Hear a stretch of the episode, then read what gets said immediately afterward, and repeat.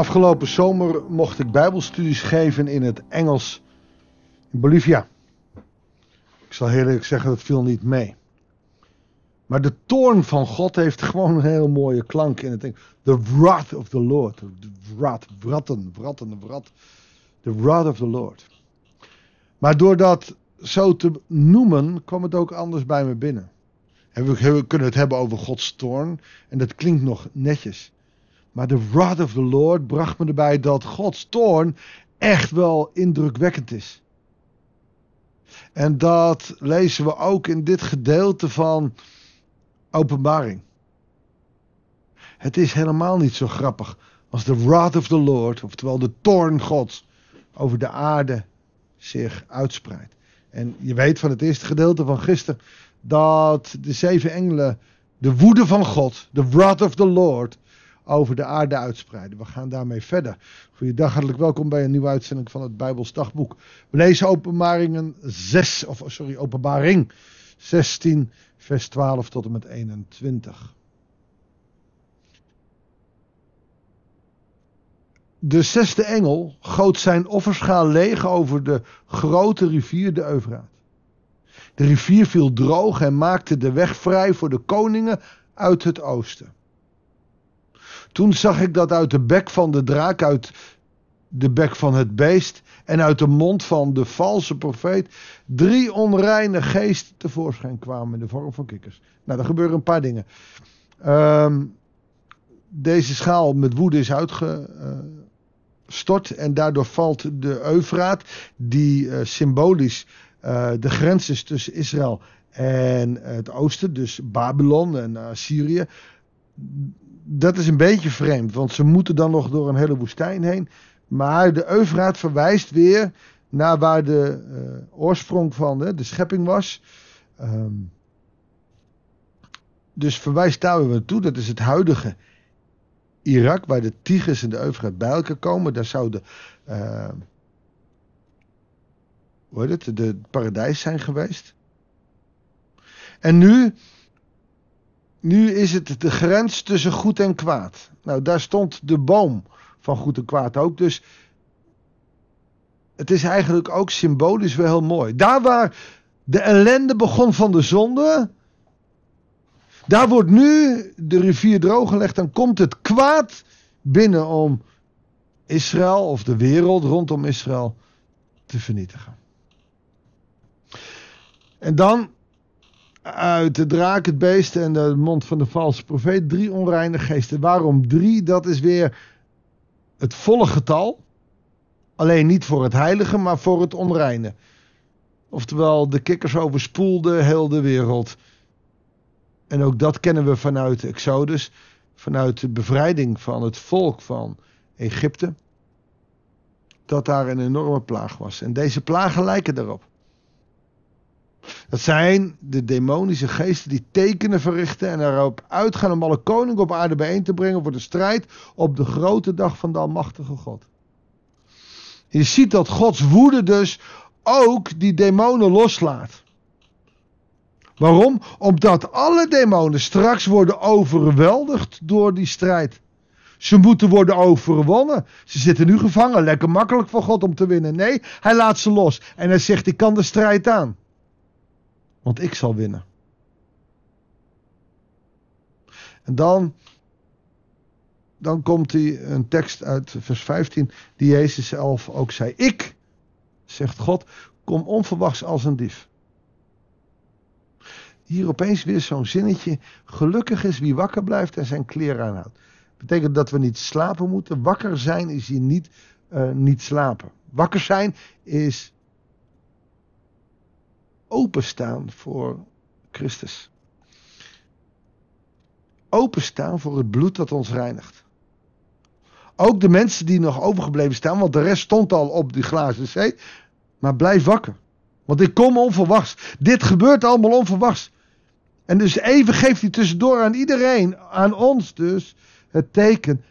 Ik kom als een dief in de nacht. Wees wakker. Heb je kleren aan en zorg dat je meteen bereid bent. Want hij hoeft niet naakt rond te lopen. En naakt is niet letterlijk naakt, maar dat is in je naakje dat je niet God hebt maar dat je het teken van het beest hebt. En je zult naakt zijn. Er zal geen weerstand te bieden zijn tegen die grote legermacht van God. Daarom staat het ook in vers 14, eindigt het met de strijd op de grote dag van de Almachtige God. De huidige tijd zouden we zeggen, waar is Gods almacht? Nou, één ding kan ik je vertellen. Op het moment dat dit alles zal beginnen, zullen we Gods almacht zien. Zijn toorn zal enorm zijn. Ze brachten hen bijeen op de plaats die in het Hebreeuws Harmageddon wordt genoemd. Dat Harmageddon, of wat wij beter kennen als het Armageddon, waar natuurlijk de nodige films zijn gemaakt, dat komt van Har Megidon. Megidon was een gebergte in Israël, het Megidon-gebergte. Uh, en daar was ook een oorspronkelijk Canaanitische stad Megiddo. Toen het land in bezit werd uh, genomen, werd dat aan de stam van Manasse, je leest dat in Joshua 17, in bezit genomen. En ook geschonken. Het was een van de oudste steden van Palestina. En deze vlakte, waar heel veel strijd is geweest en belangrijke veldslagen zijn uh, gedaan. Zo kun je in Richteren lezen dat Barak, de legeraanvoerder van de Israëlieten, de Canaanieten bij de wateren van Megiddo uh, uh, overmeesterde. En koning Joshua de dood in de veldslag tegen Farao Neko in de vlakte van Megiddo. Dus daar is heel veel strijd geweest. En daar, zo gaat dit voorbeeld in dit hoofdstuk door, zal die eindstrijd met het beest, oftewel de antichrist, en uiteindelijk ook de draak, worden gedaan. De Armageddon staat dus voor de laatste strijd. En omdat Israël de geschiedenis van Mageddon weet, Mageddon, wordt het daar gesitueerd. De zevende engel, vers 17, goot zijn offerschaal leeg over de lucht.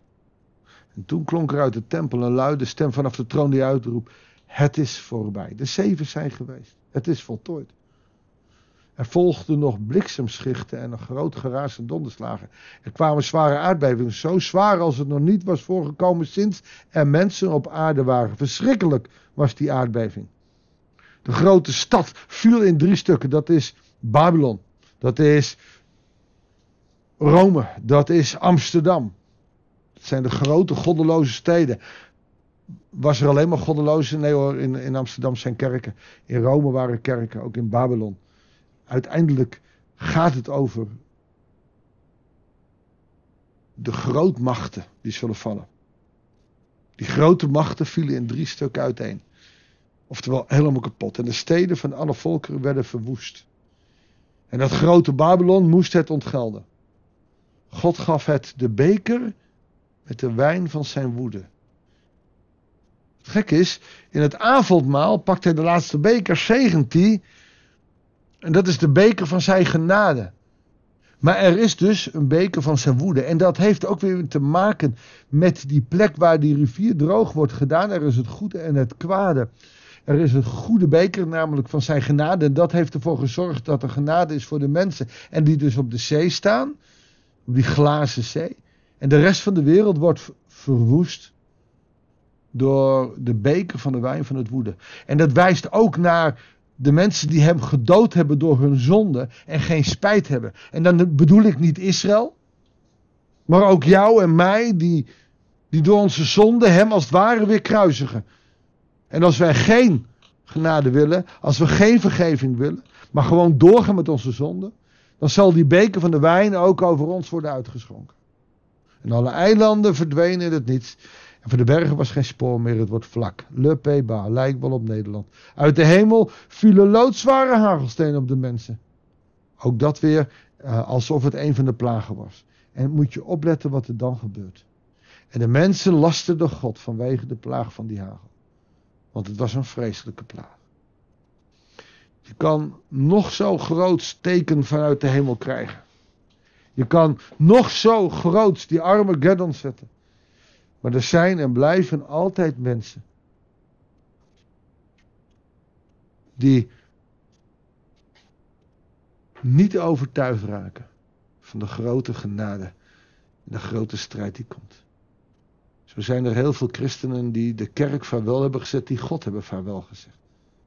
Terwijl morgen die dag kan komen. En dat, dat trek ik me aan. En ik hoop jij ook een beetje. Want door onze lauwheid hebben wij het niet verteld aan anderen. Zullen we er samen om bidden? Zullen we ons verootmoedigen? Heere God, de wereld staat in brand. En in ons land steeds minder gelovigen. Heer, ontferm u. Ook wij trekken het ons aan. Ik trek het me aan omdat, omdat we te weinig hebben gedeeld. Heer, ontferm u. Heer, terwijl de wereld u zo hard nodig heeft, laten wij u als kerken nu in de steken doen, de deuren dicht en spelen kerkje op zondag. Heer, ontferm u.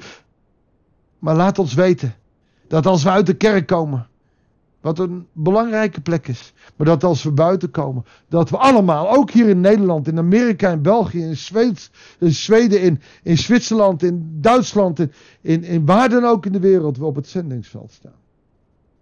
Heer, ontferm u. Wilt u met uw Heilige Geest ons motiveren om van uw liefde te delen? Want anders zullen onze geliefde kennis en buren aan het Armageddon ten onder gaan. Heer, ontferm u. Kom met uw genade nabij, dat bidden we u. In de naam van Jezus, onze Heer. Amen. Dankjewel voor het luisteren. Ik wens je God zegen. En heel graag tot de volgende uitzending van het Bijbels Dagboek.